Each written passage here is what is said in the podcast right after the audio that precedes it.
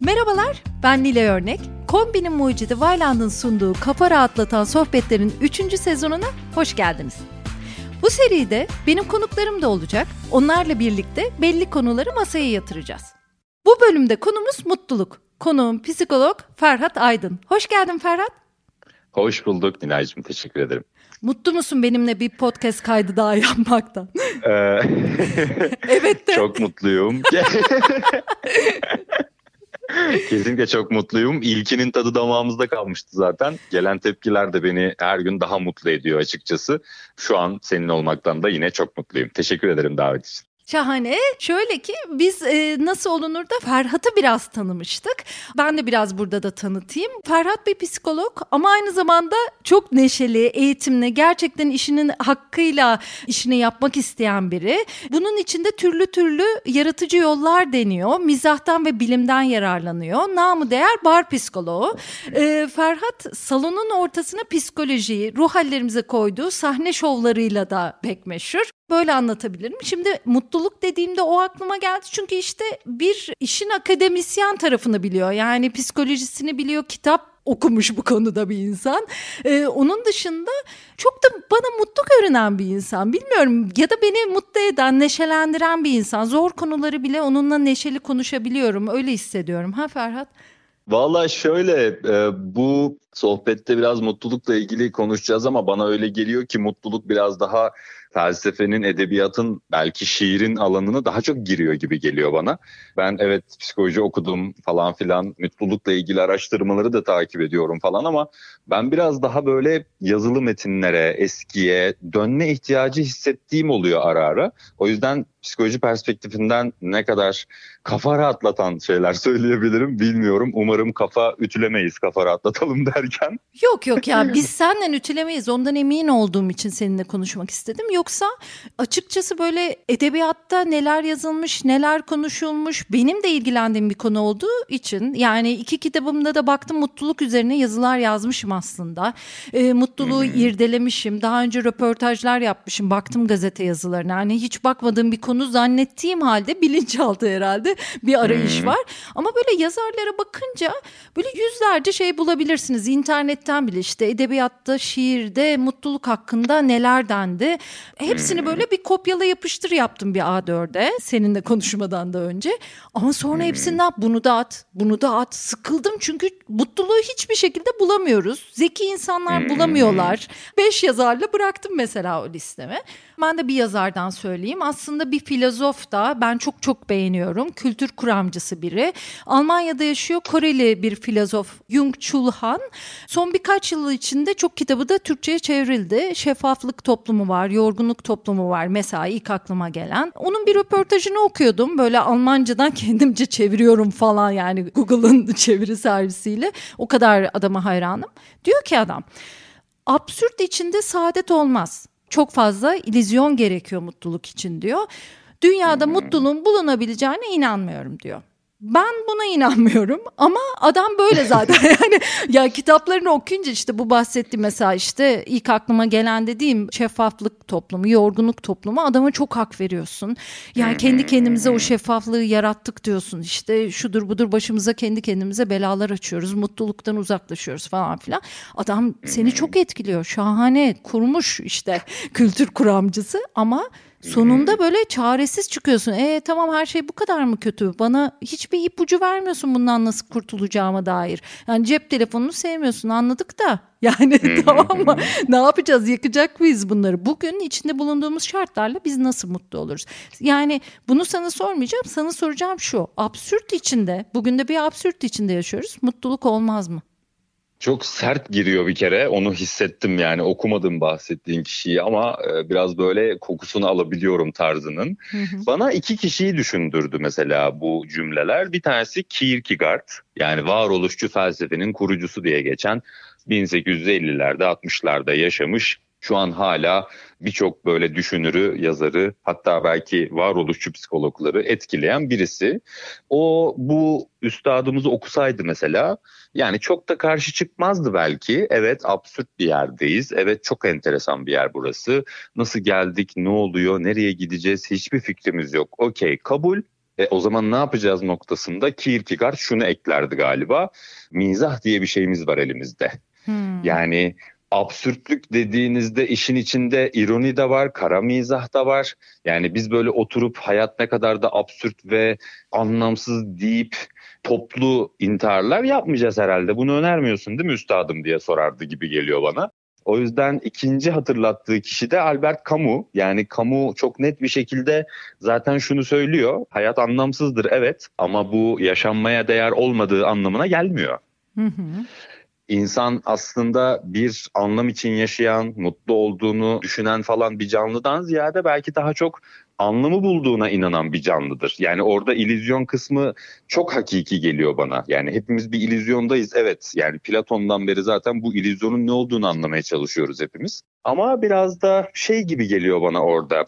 Hani bilmediğimiz bir şeyi yaşıyoruz ya işte yeryüzündeyiz bunun bir tedavisi yok. Bernard Russell okey buradayız geldik nereden geldik ne yaşıyoruz nereye okey koca bir bilinmezlik var koca bir anlamsızlık var bunların hepsine katılmamak mümkün değil. Ama bana şey gibi geliyor buna nasıl tahammül edebiliyoruz burada hep beraber? Hmm. Kimisine kitap okumak çok iyi gelir senin söylediğin gibi. Kimisine mizahla uğraşmak çok iyi gelir. Kimine üretmek, yaratıcılık ya kimine psikolog olmak yani iyileştirirken iyileşmek, birilerine iyi gelmek iyi gelebilir. Birisi der ki ben salça işinde uzman olacağım ve Urla'ya yerleşeceğim. Okey, hepsi eyvallah. Yani burada bu cümleler, bu aforizmalar, bu kitaplar aslında biraz daha kişinin kendi yaşamından damıtıp ifade ettiği şeyler gibi geliyor bana. Burada da biraz psikoloji bilimine yavaştan bakabiliriz. Yani genelleyebileceğimiz mevzular var mı mutluluk konusunu konuşurken diye sorabiliriz belki. Evet, evet çok güzel oldu bu mesela. Bu genellemelerden biraz bahsedelim. Ben yıllar önce 2008'de bir röportaj yapmışım. Bu da tesadüfen yani ortaya çıktı. Mutluluk hakkında araştırma yapıyorum. Kendi hmm. röportajım ortaya çıktı. Türkiye'ye gelmiş. İşte hafızamız böyle. Hafıza da bir mutluluk nedeni olabilir gerçekten. ya da mutsuzluk bilemiyorum yani bunu Ya da hafızasızlık bir mutluluk sebebi olabilir. O Aynen.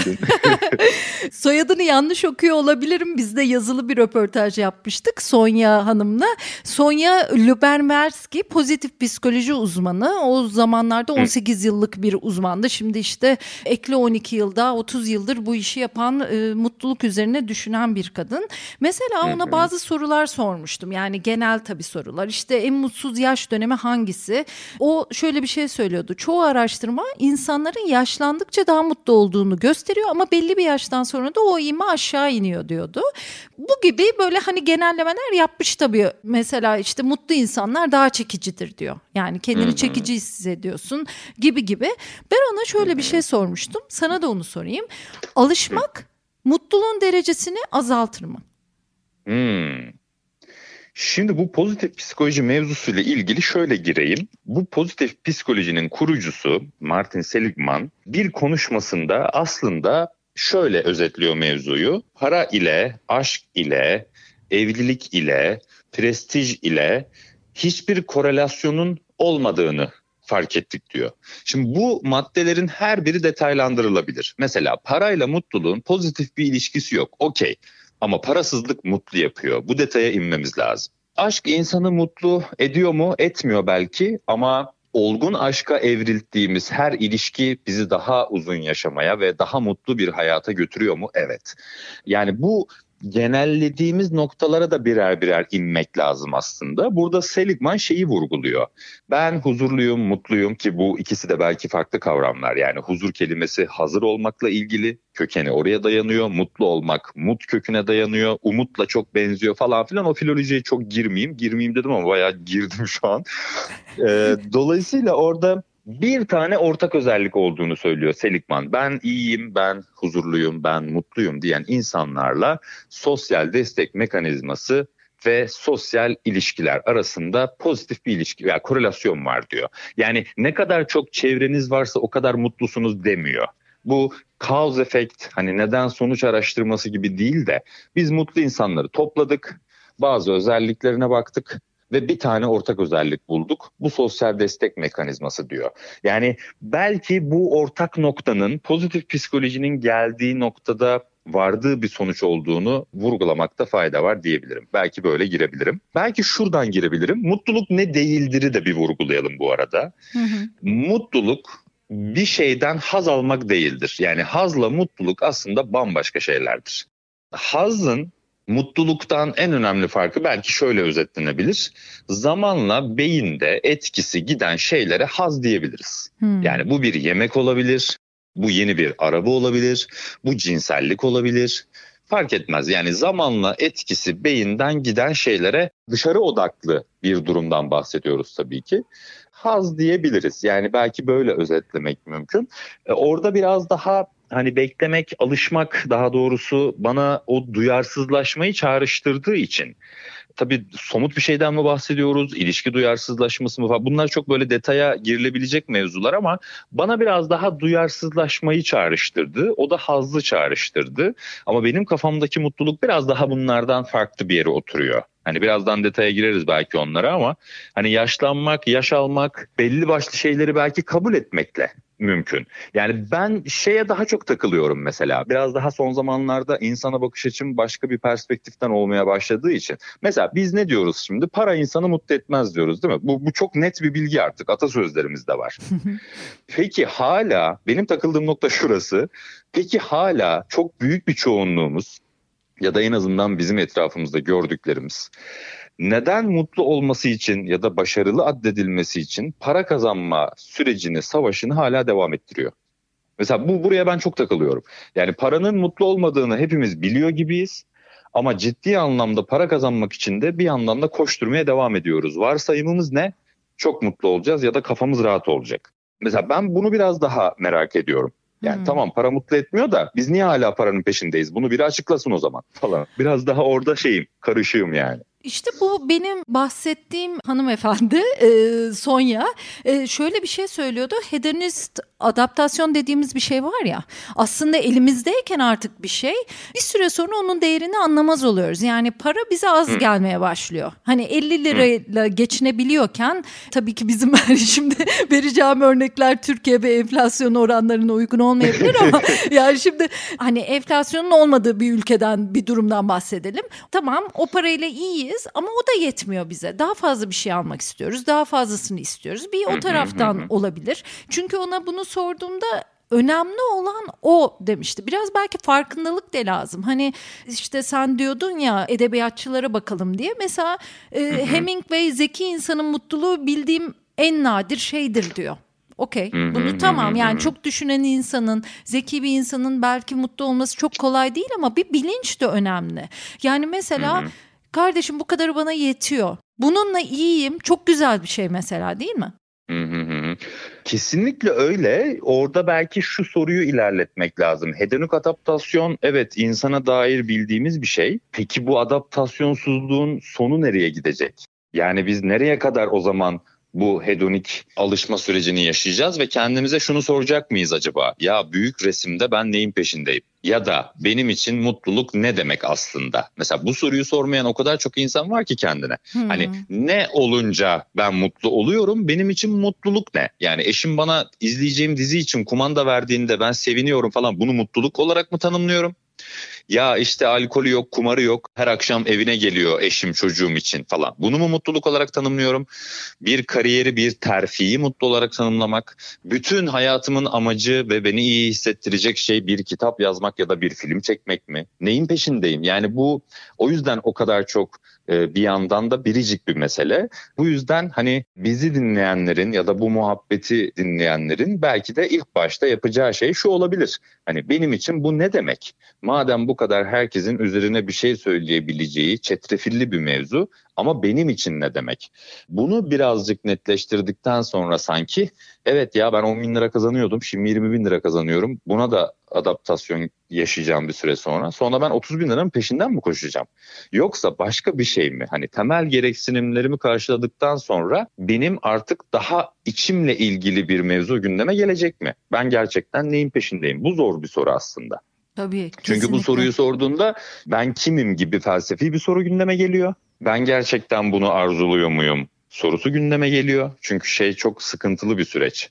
Hani insanın istediği şeye ulaşamaması belki kötü bir şeydir ama daha kötüsü ulaştığı şeyin aslında istediği şey olmadığını fark etmesidir. Yani feci bir depresyondur yani. Lan 40 yıldır bunun için uğraşıyorum. Bu muymuş demek daha üzücü, daha depresif bir şey ama belki özgürleştirecek ve iyi hissettirecek şey o depresyonun arkasından gelecek. İşte o yüzden çetrefilli mevzular ya bunlar. Hani mesela internetten kendinize teşhis koyup ya da bir magazin dergisinden işte depresif hissediyorsanız işte yapılacak 10 şey falan. O yüzden bir halta yaramıyor bu maddeler. Keşke yarasaydı bize bu kadar gerek kalmazdı yani. Gardırobunuzu düzeltin. Ha iyi öyle mi tamam o zaman falan deyip mutlu olurdu insanlar.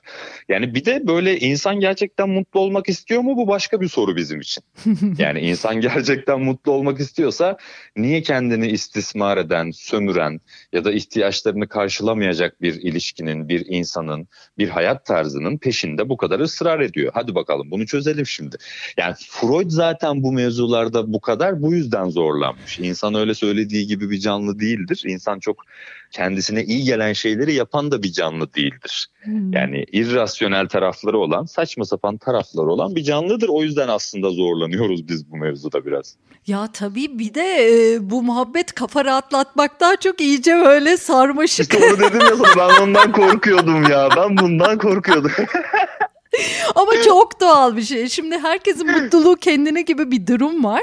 Yani e, evet. e, ben kendimden yola çıkayım burada.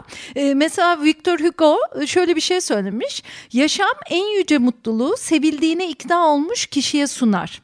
Kendisine olduğu için sevilmiş hatta diyebiliriz ki kendisine rağmen sevilmiş kişiye.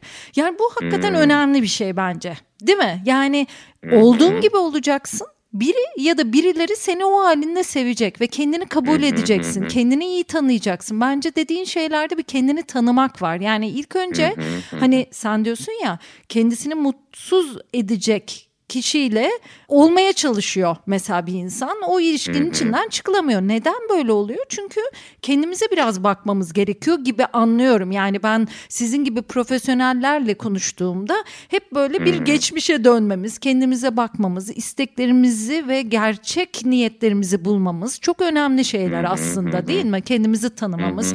Yani ben neden mutlu olurumu düşününce ilk önce kendimi tanımak, var olmak, kendime var olmuş hissetmek bu geçici dünyada.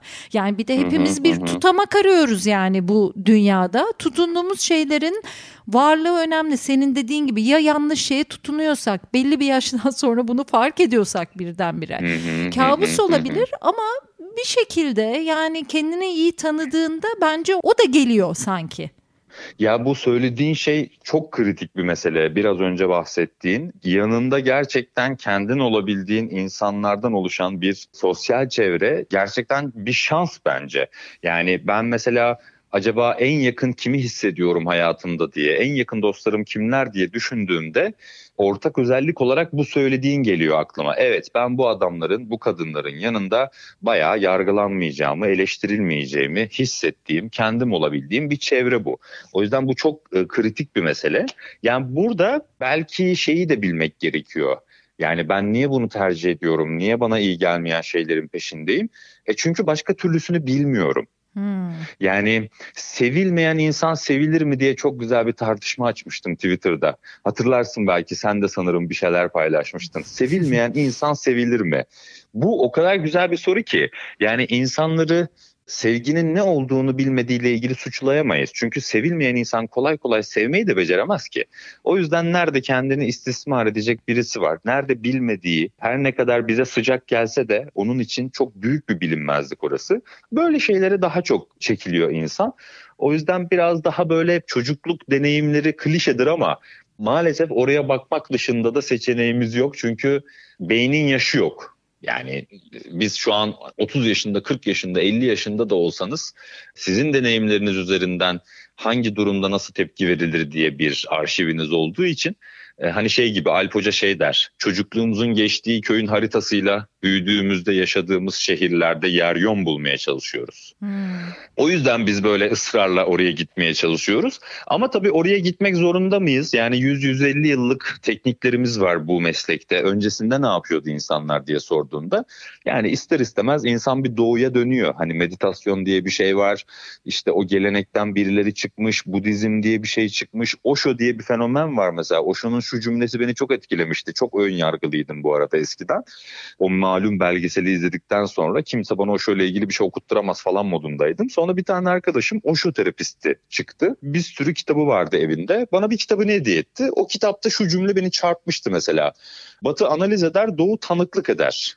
Hmm. Şimdi biz yani psikoloji bilim dediğimiz şey e, hep böyle bir analiz, anlamak, işte insan şöyle bir ya nerede bunun tanıklığı? Mesela o şu diyor ki bir çiçeğe bakıp bu çiçek güzel dediğiniz anda artık bir yargılama ve analiz vardır diyor. Çiçeğin hakikatini ya da tanıklığını yaşamıyorsunuz diyor. Yani biraz daha bize sunulan seçenekler analiz etmek üzerine bizim kafamızı daha çok çalıştırıyor gibi. O yüzden biz evde oturup hiçbir şey yapmadan 10 dakika oturamıyoruz. Çünkü o gelen seslerle baş etmenin yöntemini bilmiyoruz ki. Meditasyon biraz herhalde buradan çıkıp bir şeyler vaat etmiş gibi görünüyor. Hani ben şeyi çok merak ederim. Mesela 350 bin yıldır insanlık bu halde aşağı yukarı. Beynimiz aşağı yukarı bu halde. E biz son 10 bin yılına biraz hakimiz tarımdan sonraki sürece. E yaşadığımız süreç zaten 1900'lerden sonra biraz daha sağlam kaynaklarla karşımızda. İyi de bu insanlar eskiden ne yapıyormuş yani? Hani bizim gerçekten insan olarak neye ihtiyacımız var? Bu soruyu da biraz kaçırıyoruz gibi mesela. İnsan nasıl bir canlı? Hı hı. Yani ben kimim belki güzel bir soru ama Hani insan nasıl bir canlı? Bu insan cinselliği, bu insan ruhsallığı, bu insan beyni falan bunlar hakikaten büyük sorular. Yani cevaplayan da yok zaten. Cevaplanabilmiş olsaydı muhtemelen Freud çene kanserinden ölmezdi 36 kere ameliyat olmasına rağmen. Ya da Van Gogh kulağını kesmezdi, Nietzsche intihar etmezdi, Steven Zweig eşiyle intihar etmezdi falan. Yani bu böyle bir deneyim insan olmak. O yüzden çok kolay değil bazı şeylerin cevapları. Ama işte kulağa kar suyu kaçarsa, biraz kafa rahatlatırsak ne hala diye biz de konuşuyoruz yani. ya o kadar çok şey canlandı ki sen anlatırken her söylediğinden ayrı bir şeyler kurdum kafamda açıkçası. E, sondan hmm. başlarsak mesela doğaya bakmak örneği verdin hemen. Sen onu söylediğinde hani doğu batı analiz farklılığı söylediğinde ilk aklıma doğa geldi benim ve her şeyi bugün güzel çirkin, iyi kötü diye tak diye notlama üzerine yani like unlike üzerine kurduğumuz için değil mi? Sevgisizlik de çok yer kaplıyor. Sen sevgi örneği verdin. Evet kesinlikle ben benzer bir şey düşünüyorum. Yani çocukken sevinmek, sevgi görmek ve sen onu fark etmesen bile çok sevildiğini düşünmeyebilirsin çocukken ama daha sonradan düşünüyorsun. Annem babam beni çok sevmiş diyebiliyorsun. E tabii sevilmeyebilir çocuk. Yani ne şartlarda büyüyenler var ama bazı insanlar başka şeyden o sevgiyi alıyor. Doğa olabiliyor bu. Yani doğayı gözlemci olarak not vermeden izlemek, yargılamadan izlemek herhangi bir şey sadece doğayı da değil başka bir mutluluk verir diye düşündüm mesela sen ilk söylediğinde insana. Ben onu hissediyorum. Yani doğaya baktığımda hiçbir yargıda bulunmadan sadece gelişimi izlemek bir taşa bile bakmak rüzgarla ilişkisini görmek deniz hayvanlar işte kuşlar onların büyüklüğünü görmek altında belki insan olarak çaresizliğinde ezilmek ama yine de onu anlıyor olmanın bir evrende olduğunun farkına varmak da şahane bir duygu ama tabii bunu tam anlatamadım. Yani bana mesela mutluluk veriyor yani doğanın içinde olmak. Bunu seninle öncesinde hani ne konuşuruz diye konuşurken söylemeyi unuttum ama konuyu sen bilerek oraya getirdin hissetmiş gibi. Engin Geçtan'ın çok güzel bir lafı var insan doğanın içine karıştığında eski bir dostuyla, unutulmuş bir dostuyla karşılaşmış gibi garip bir şey hisseder diyor. Hmm. Hani doğa bizim dostumuzdur ama unuttuğumuz bir dostumuzdur. Şimdi bir pasaj okuyacağım size bununla ilgili. Kierkegaard doğadan bahsediyor ve diyor ki sabırsızca sormaz ne zaman gelecek bahar diye. Doğru zamanda geleceğini bilir çünkü. Mevsimlerin ne zaman gidip geleceğini kendi kendine karar verebilseydi bunun ona faydası olmayacağını bilirdi. Ne zaman yağmur yağacak ya da güneş ne zaman parlayacak diye sormaz. Şimdi de çok yağdı ya da güneş de çok kızgın demez. O yıl yazın nasıl geçeceğini, ne kadar kısa ne kadar uzun süreceğini önden anlamaya çalışmaz. Sessizdir ve bekler bütün basitliğiyle. Asla aldanmaz çünkü sadece zekiler aldanır, basitler değil. Basitler ne aldatır ne de aldanır. Bunu Kierkegaard bir zambak olduğunu hayal et diyor doğanın karşısında ve bir zambak doğaya bakıp bu tür sorgulamalara girmez diyor. Yani güneş niye doğacak, ne zaman doğacak, şimdi çok yağdı yağmur, şöyle oldu, böyle oldu. Yani sen bir zambaksın. Bir doğanın içinde bir bitkisin. Dolayısıyla doğaya bakıp isyan etmek yerine bir zambak olduğunu düşün. O zaman nasıl davranırdın? Hani ya, böyle bir metaforu var mesela Kierkegaard'ın. O kadar şahane ki bak bu kadar düşünür. Demek ki aynı yere geliyorlar benimle. Evet evet evet. evet, benimle. evet. ya şöyle bir şey söyleyeceğim. De, neden? Çünkü mesela Hermann Hesse'nin Ağaçları. Yani incecik bir kitap aslında. Hmm. Yani ne kadar güzel bir kitap ve sen şimdi bak e, sana ezberledim çünkü orayı. Daha yeni dinledim. Bir yere de yazdım. Tam onu söyleyeceğim. Ne kadar birbirlerine paralel gitmişler anlayacaksın. Hmm. Diyor ki ağaçları dinlemeyi öğrenen ağaç olmayı arzulamaz artık. Kendisi dışında başka bir şey olmayı arzulamaz. Yurt budur, mutluluk budur. Aslında hmm. ne kadar yani paralel bir tarafları var değil mi? Evet, yani evet, evet, e, evet, evet. o kadar etkilemişti ki beni mesela. Yani ağaçlar üzerine ne kadar güzel bir kitap. Yani bir işte hmm. mutlu olmayı, insan olmayı bütün bir doğa üzerinden okuyorsun. incecik bir kitapta. E, bak doğaya kadar geldik ama. Şimdi bir şeyi de ekleyeyim bu arada. Ekle ee, tamam. Kierkegaard bir şairden alıntı yapıyor. Diyor ki evet konuşmak insanın hayvana karşı üstünlüğü olabilir belki. Ama ancak insan sessiz olmayı da bilirse. Ha, çok güzel işte ya şahane.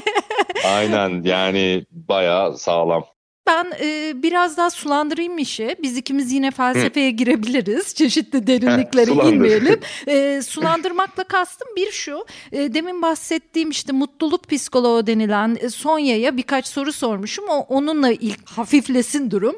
Mesela ben ona e, şunu sormuşum. Bazı ülkelerin diğerlerine göre daha mutlu olması. Ya tabii ki bunun bildiğimiz cevapları var işte demokrasi, özgürlük, ahlak yargılarının oturmuş olması, istikrar, toplumun homojenliği gibi konular bir ülkede mutlu ya da mutsuz olmayı etkileyebiliyor aslında. Daha güzel hissediyorlar, daha çekici hissediyorları biraz önce de söyledim. İnsan kendi kendine de mutlu olmayı öğren nebilir diyor. Yani genetik bir tarafı da var diyor aynı zamanda. Demin sen o cemaat olmayı, sosyal ilişkileri söylemiştin ya. Ben ona şeyi sormuştum. Yani dindar insanlar daha mutlu oluyor gibi bir muhabbet var ne diyorsunuz demiştim. Evet var böyle araştırma sonuçları da var ama bunun nedeni cemaat olmakla ilgili bir şey. Bir arada olmakla, kutuplaşmamakla, aynı şeylere inanmakla ilgili bir şey de olabilir. Birlikte sosyalleşmeyle ilgili bir şey de olabilir demişti mesela. Sevdiklerinin yanında olmak bunu pek çok insan söylüyor. IQ'muzu yükseltiyor bence değil mi? Yani ben beni sevdiğini düşündüğüm biriyle çok daha mutlu ve rahat oluyorum. Daha eğleniyorum. Kaslarım gerilmiyor ve vesaire mesela. E, bu arada geçenlerde de e, yine Storytel'de işte hani orada deneyip dinleyebiliyorsun yani.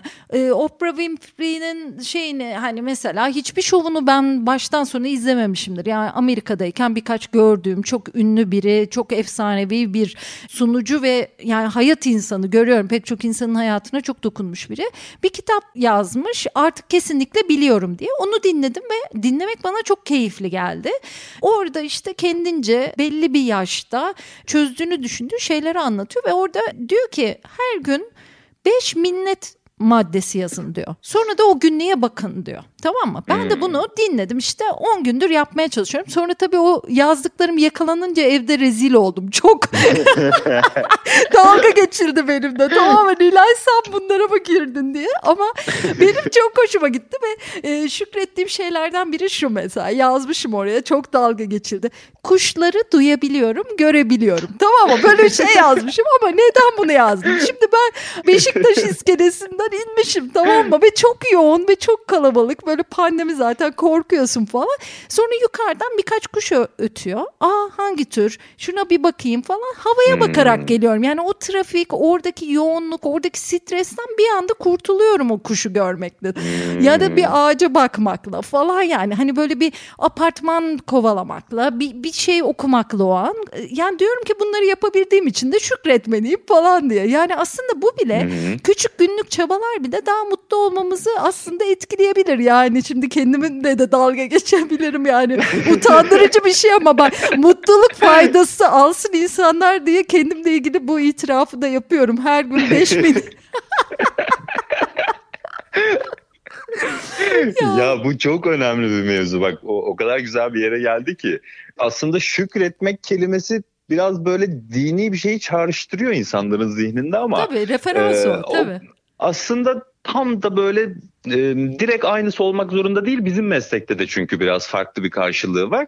Senin oradaki kuşun sesini yakalayan detay bakışın aynı zamanda sana şükrettirebilecek bir kişiliği de sunuyor. Yani şöyle düşün dişi ağrıyan bir insana göre dünyanın en mutlu insanı kimdir? Dişi ağrımayan bir insandır. Tabii.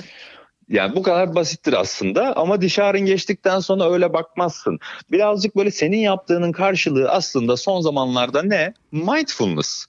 Yani sen günlük hayatta birçok insanın çok da fark etmediği ama çok da böyle iyi hissettirebilecek estetik detayları fark edebilecek bir şekilde bakıyorsun ve yaşıyorsun günlük hayatını. Aslında özeti bu. Yani mindfulness konusunda uzman mesela Zümra Atalay hocam katılsaydı şu anda bize derdi ki ya Nilay senin bu yaptığın mindfulness yani biz bunu insanlara öğretmeye çalışıyoruz. Yani bu saçma koşturmacanın içinde o muhteşem kuş sesini yakalayabilmek zaten yaşadığını hissettiriyor insana filan diyebilirdi. Vay, şahane de olurdu. Ev halkına anlatırdım. Ya Nilay yeterince delirmedi. Nilay normal. ya çünkü böyle yazıyorum. Ne yazıyorsun? Böyle sevgili günlük. Bugün kuş Rezalet. Ya böyle çok dalga geçiliyor ama gizli gizli yapın bence bunu. İnsana iyi geliyor. Ya böyle sırıttığımı fark ettim. Aa ben bunu yapıyorum falan diye. Sana şey soracağım. Şimdi ben kısa podcastler yapmaya alışık bir insan değilim ama tabii mutluluk meselesini yüzlerce yıldır ta antik Yunan'dan gelerek herhalde tartışıyor insanlar. Düşünüyor bunun üstünde. Biz burada hani e, kısa sürede çözemeyeceğiz ama yine de insanlara böyle bir mutluluk tohumu ekmek istiyoruz. E, şimdi tabii bu mutluluk üzerinde çok düşünmüş insanlardan biri de e, ikimizin de ortak tanıdığı, okuduğu insanlardan biri Kahneman. Nobel İktisat Ödüllü bir psikolog. Şimdi ona göre davranışsal ekonomi kavramının da babası sayılıyor bu arada Kahneman. bilişsel tuzaklar var. Bu mutlu olma meselesinde. O diyor ki deneyimlenen benlik ve hatırlayan benlik var diyor. Yani sen bir yaşıyorsun, yaşadığın anda bir belleğim var. Bir de daha sonra hatırlayan bir belleğim var. Mesela işte ben şu anda bir partideyim ama yani dans etmek istemiyorum. Ortamdakilerden hoşlanmadım diyelim. Ama işte birisi geliyor 10 dakikada bir dans ediyorum sevdiğim bir arkadaşımla. Onunla bir tane selfie çekiyorum koyuyorum. Ondan sonra 3 ay sonra buna baktığımda o parti bana çok güzel geliyor olabilir. ya da çok eğleniyordum o partide tam tersini alalım. Bir toplumsal olay oldu ve yani hiçbir fotoğraf koymadım etmedim. Ondan sonra o toplumsal olayla kodlandı kafamda o parti ve bitişi. Öyle hatırlıyorum onu. Yani böyle bir bilişsel tuzak var. Şimdi sosyal medya diye de bir şey var. Hatırlayan benliğimiz daha çok çalışıyor. Onun da etkisiyle değil mi? Hı hı. Aslında bu girişte yaptığımız bir de psikolojiye çevirelim bakalım o ne söylüyor kısmında çok önemli bir şey söylüyor burada Kahneman'a söyledikleri tırnak içinde bilimsel olarak. Aslında özetle şunu söylüyor. Kişi bir durumu yaşarken mesela 10 üzerinden durumunu puanlasın mutluluk üzerinden. Bir de üzerinden zaman geçtikten sonra tekrar o durumu nasıl hatırladığı ile ilgili, nasıl hissettiği ile ilgili puanlasın. Sonra yapılan puanlamaların o an o durumu yaşarken yapılan puanlamalardan daha yüksek olduğu bulunuyor. Dolayısıyla şu soru gündeme geliyor. Ya mutluysak ve farkında değilsek? Hmm. Yani bu soru gerçekten biraz can sıkıcı bir soru çünkü aslında herkesin aradığını söylediği şeyi belki birçoğumuz aslında yaşıyoruz ama farkında değiliz. Mesela restorana gidersiniz, deniz kenarı masa istersiniz. Der ki garson tuvaletin önündeki masa boş şimdilik oraya alabiliriz sizi. Sonra deniz kenarına alalım. Siz okey dersiniz oturursunuz yarım saat geçer işte muhabbet koyulaşır falan filan. Sonra garson gelir der ki yan tarafta masa boşaldı. Siz böyle birbirinize bakarsınız. Yo iyiyiz ya böyle falan dersiniz. Yani şimdi az önce tuvalet kenarı masa, yüzünü buruşturduğum masa yarım saat sonra muhabbetin etkisiyle, zamanın geçmesiyle farklı bir algılanmaya başlıyor. Şimdi burada aslında kritik nokta şey gibi geliyor bana yine. O anı ne kadar yaşıyoruz o zaman onun farkında değiliz. Geldik hı hı. gene meditasyona, doğuya falan. Yani hepsi zaten anda kalmak ve geçmişin geçmiş olması yarının milyonlarca ihtimal barındırması üzerinden şunu söylüyor. Hani bir ayağın geçmişteyse bir ayağın gelecekteyse ortaya işersin diyor. Yani o yüzden geçmiş gelecek kısmını bırakıp şu anda her ne yaşıyorsak bunu olduğu gibi geldiği gibi kabul edebilme becerisi belki de bizim yaptığımız işin temel düsturlarından da bir tanesi. Askerlik örneğini düşünün mesela yani ben kolay kolay güle oynaya askerlik yapan birileriyle çok karşılaşmıyorum ama çok stresli bir dönemdir. Bittikten sonra nasıl anlatılır? İnanılmaz eğlenilir konuşulurken. Bitmez yani o muhabbet. Ama bir de yaparken gör bakalım öyle miydi? Hmm. Dolayısıyla bu çok enteresan bir fenomen. Biraz daha anda ne oluyor kısmı ile ilgili belki kendi algımızı, becerimizi, duygusal regülasyonumuzu, nasıl daha efektif ve işlevsel yapabiliriz? Herhalde burada bu soru gündeme geliyor. Çünkü şey yani geçmişe takılmak, depresyon, geleceğe takılmak, kaygı bunlar birbiriyle bağlantılıdır ve aşırı olduğunda biz bunlara artık bozukluk, hastalık falan demeye başlıyoruz. Keramet hakikaten şu anda kalabilmek yani çok kolay değil zaten bu. Hmm. Ee, ama hani ne kadar elimizden gelirse. Ben bu arada Carpe Diem'den bahsetmiyorum. O Anı bir yaşa. efsane olduğunu düşünüyorum aynen. Yani mutlu insanın da Carpe Diem'in de e, aslında birer efsane olduğunu düşünüyorum. İyi hissetmek ya da mutlu olmaktan ziyade hani bütün duyguları yaşamanın olabildiğince işlevsel ve ihtiyacımız olan bir noktada olduğunu düşünüyorum. Yani öfkelenmiyorsanız da problem vardır. Utanç duymuyorsanız da bir gariplik vardır ya acaba gelecek ay işte işler yoğunlaşacak onunla ilgili şu anda ne yapmam gerekiyor diye düşünmüyorsanız da bir problem olabilir. O yüzden ne tamamen gamsızlıktan bahsediyoruz ne tamamen öfkeden bahsediyoruz. Bütün duyguları yeri geldiğinde işlevsel olarak hissedebilmek, yaşayabilmek zor olan bu zaten.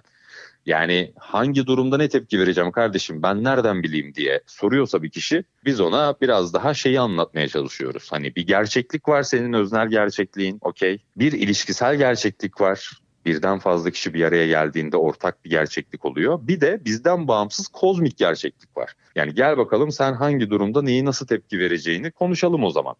Ya bu biraz insanın kendini geliştirmesiyle ilgili bir süreç ya. O yüzden bu kadar hepimiz kanırtıyoruz ya bazı şeyleri, zorlanıyoruz bazı noktalarda.